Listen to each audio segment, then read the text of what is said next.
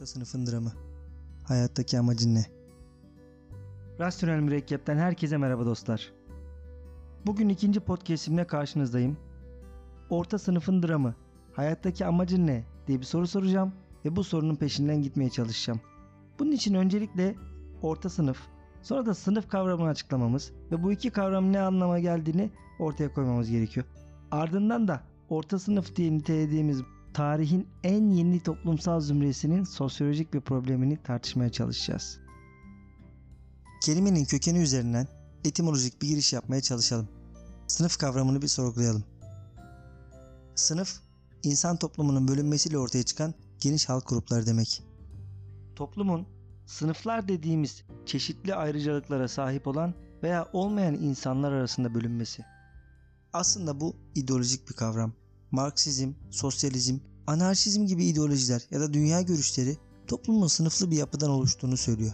Bunun aksini iddia edenler de var.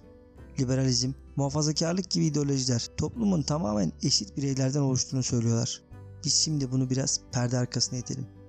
Tarihin her aşamasında sınıfı görüyoruz. Bu yeni bir şey değil.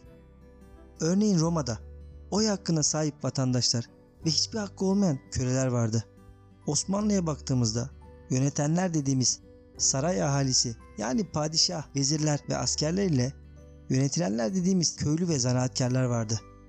Orta Çağ'da Huberman'ın dua edenler, savaşanlar ve çalışanlar dediği Üretici köylüler ve soylular yani aristokrasi. Biraz daha açarsak savaşçılar ve kilise vardı. sanayi devriminde işçi sınıfı ve burjuvazi ortaya çıktı. Yakın dönemde ise buna orta sınıf ve beyaz yakalılar eklemlendi. Özetle toplum herkesin eşit olmadığı bir yapıda ve bu sistem yaşam koşullarımızı belirliyor. Ben bu konuyu bir başka içerikte uzun uzun tartışacağım. Şimdi ana konumuza dönelim. Hayat bir yarış, maraton, mücadele. Doğar büyürüz, sonra eğitim hayatına başlarız. Kimimiz şanslıdır. Ekonomik kaygılardan yoksun olarak başlar hayatına. Çok daha iyi bir eğitim alır. Özel öğreticilerden sanat ve spor dersleri alır. Daha çok tatil yaparak deşarj olur. Daha çok seyahat ederek kültürel gelişimini hızlandırır. Kimileri ise karın doyurma telaşıyla geçirir aynı yıllarını. Yiyecek, giyecek ve barınma gibi Abraham Maslow'un ihtiyaçlar hiyerarşisi piramidinin en altını işgal eden zorunlu fizyolojik ihtiyaçlarını karşılamayla cebelleşen bu insan nasıl kendini geliştirecek motivasyona sahip olabilir ki? Kimi suçlayabiliriz ki bu durumda? Tabi tırnak içinde kapitalizmin yarattığı eşitsiz koşullar dışında. Her neyse bu tartışma başka bir podcast'in konusu olmalı. Bu koşullar içerisinde çok uzun yıllar iş hayatına hazırlanırız. Kendimizi çok sayıda nitelikle donatmaya çalışırız. Diplomalar, lisansüstü eğitimler, yabancı dili geliştirmeler, sertifikalar edinme, bilgisayar ve çeşitli programlar öğrenme gibi telaşlar içerisinde yıllarımız akar gider. Bunlara harcadığımız emek, para, zaman gibi parametreler hep ömrümüzü tüketir. Yine de bir parça gelişiriz bunlar vasıtasıyla. Daha sonra eğer şanslıysak kariyerimize adım atarız.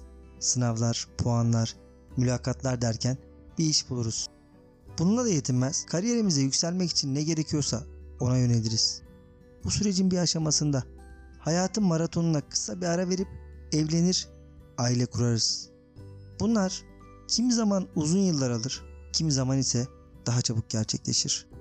Netice itibariyle orta yaşlarımıza adım atmış oluyoruz.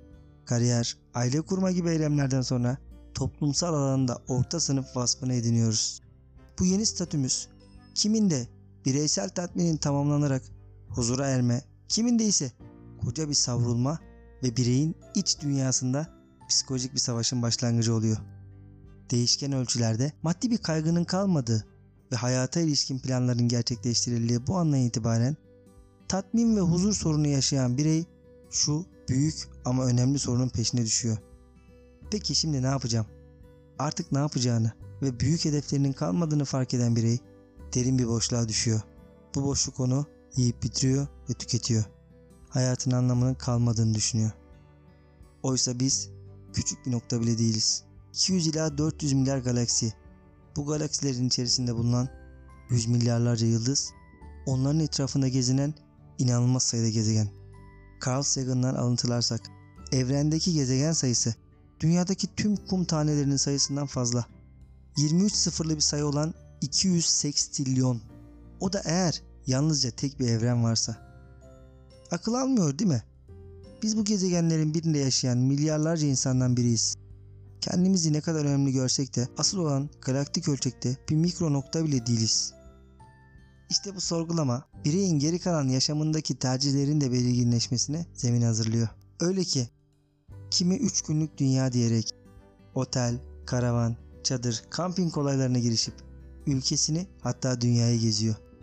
Kimi eğlenceye, alkole, cinselliğe ve benzeri eğlence odaklı kültürün kollarına bırakıyor kendini. Kimi bu koca evrenin yaratıcısına tutkuyla bağlanmalı diyerek dine sarılıyor. Kimi ise blogger, youtuber, instagram fenomeni olmaya çalışıyor. Kimi bu dünyaya bir eser bırakmam lazım felsefesiyle biraz da mahalle baskısı, büyüklerimin torun talebi, evliliğini kurtarmak, sıkıcı hayatına renk katmak için çocuk yapıyor. Kimi ise emekli olup bir sahil kasabasına yerleşmenin hayallerini kuruyor. Saydıklarımızın hepsi bireyin kişisel tatmin çabaları kapsamındaki faaliyetlerinin yalnızca birkaçı. Bu tercihlerin hepsine saygı duyulması gerekiyor. Tümünün farklı meşruiyet temelleri oluşturulabilir ve benimsenmesi doğal. Çünkü birey istediği yaşam tarzını seçme ve buna uygun yaşama hakkına sahip. Değinmek istediğim konu farklı. Az önce saydıklarıma benzer bir yaşam amacı oluşturamayıp hayatının geri kalanını ve en verimli günlerini depresif geçirenlere bir paraf ayırmak istiyorum. Orta sınıflaşan bireylerin bir kısmı kişisel tatminlerini bir türlü sağlayamıyor. Her an sıkılıyor, boşluğa düşüyor. Bohem bir döngüye kapılıyor. Yaptıklarından zevk almıyor. Bu psikolojik açmazın temel problematiği bireyin yapamadıklarını sorgulayamaması veya yapabilecekleri için istikrarlı bir çaba göstermemesidir. Bu problemleri aşmanın yollarından biri kişinin kendini analiz etmesi, neye ilgi duyduğunu keşfetmesi. Belki de bu keşfin yardımıyla kendisine yeni bir hayat amacı bularak içindeki ızdırabı dindirebilecek bu kişi. Bu metin bir nasihat amacı gütmediğinden hayatın amacı nedir, mutlu olmak için ne yapmalıyız gibi konularda öğütler vermekten kaçındım. Ancak söyleyebileceğim en basit öneri bize ait tüm problemlerin çözümünün yine kendi içimizde oldu.